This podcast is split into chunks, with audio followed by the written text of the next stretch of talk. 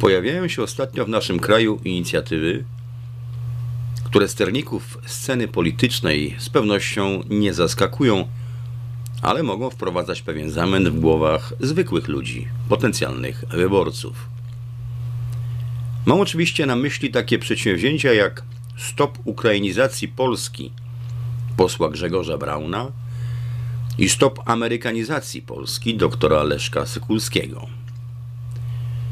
Nie chcę w tym miejscu rozważać słuszności owych postulatów, każdy z nich bowiem wskazuje zagrożenia dla przyszłości narodu i państwa polskiego, jakie mogą wynikać z nadmiernego ulegania powszechnej dziś politycznej poprawności i w sposób oczywisty przemawiają do Polaków obawiających się o przyszłość własną, swoich dzieci czy wnuków.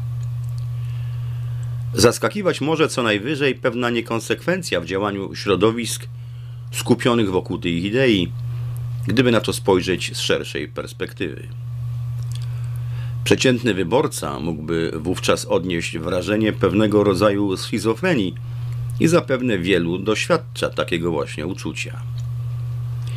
Pomijając jednak ten aspekt, chciałbym wskazać na to, że wspominane koncepcje, odwołujące się do obrony polskiego interesu narodowego, którego zresztą nikt z rządzących od ponad 30 lat nie potrafi zdefiniować i wynieść na sztandary, nie diagnozują rzeczywistego problemu, z którym mamy dziś do czynienia.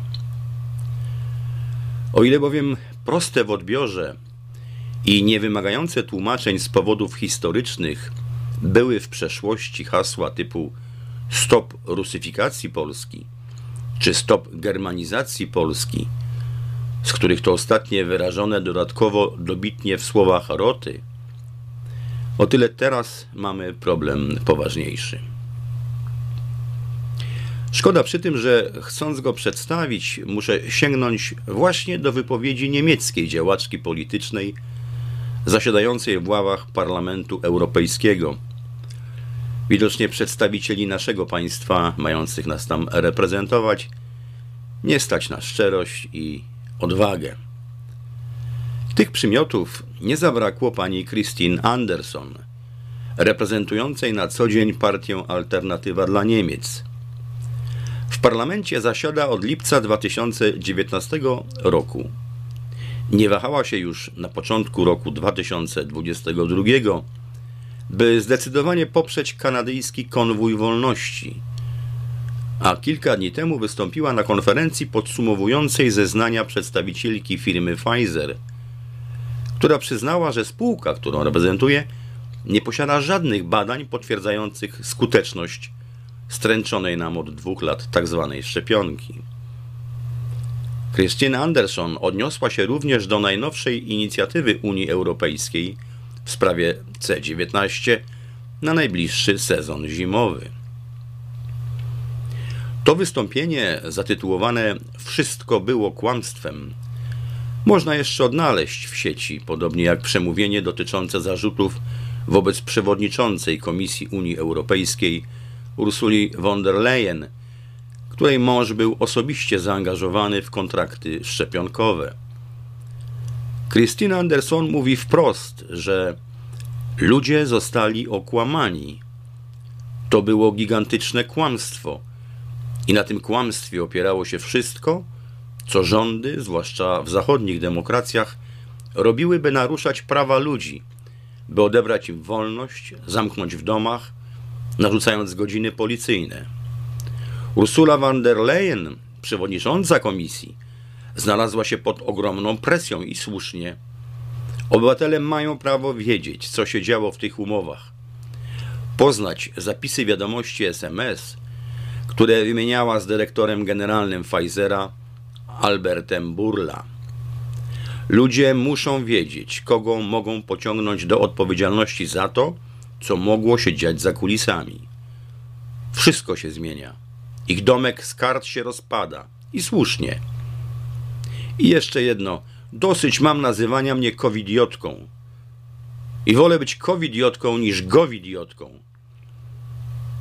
Bo właśnie im wszystkim ludzie ślepo zaufali. Zaufali ślepo swoim rządom. I powiem to jeszcze raz. Nigdy, Przenigdy nie chodziło o zdrowie publiczne. Nigdy nie chodziło o przełamywanie jakichkolwiek fal. Zawsze chodziło o łamanie ludzi. Ale, i to jest dobra wiadomość, nie udało im się. To nie zadziałało. I jestem z tego bardzo dumna. Jestem dumna z ludzi, których mam zaszczyt reprezentować i nadal będę to robić. Dziękuję bardzo.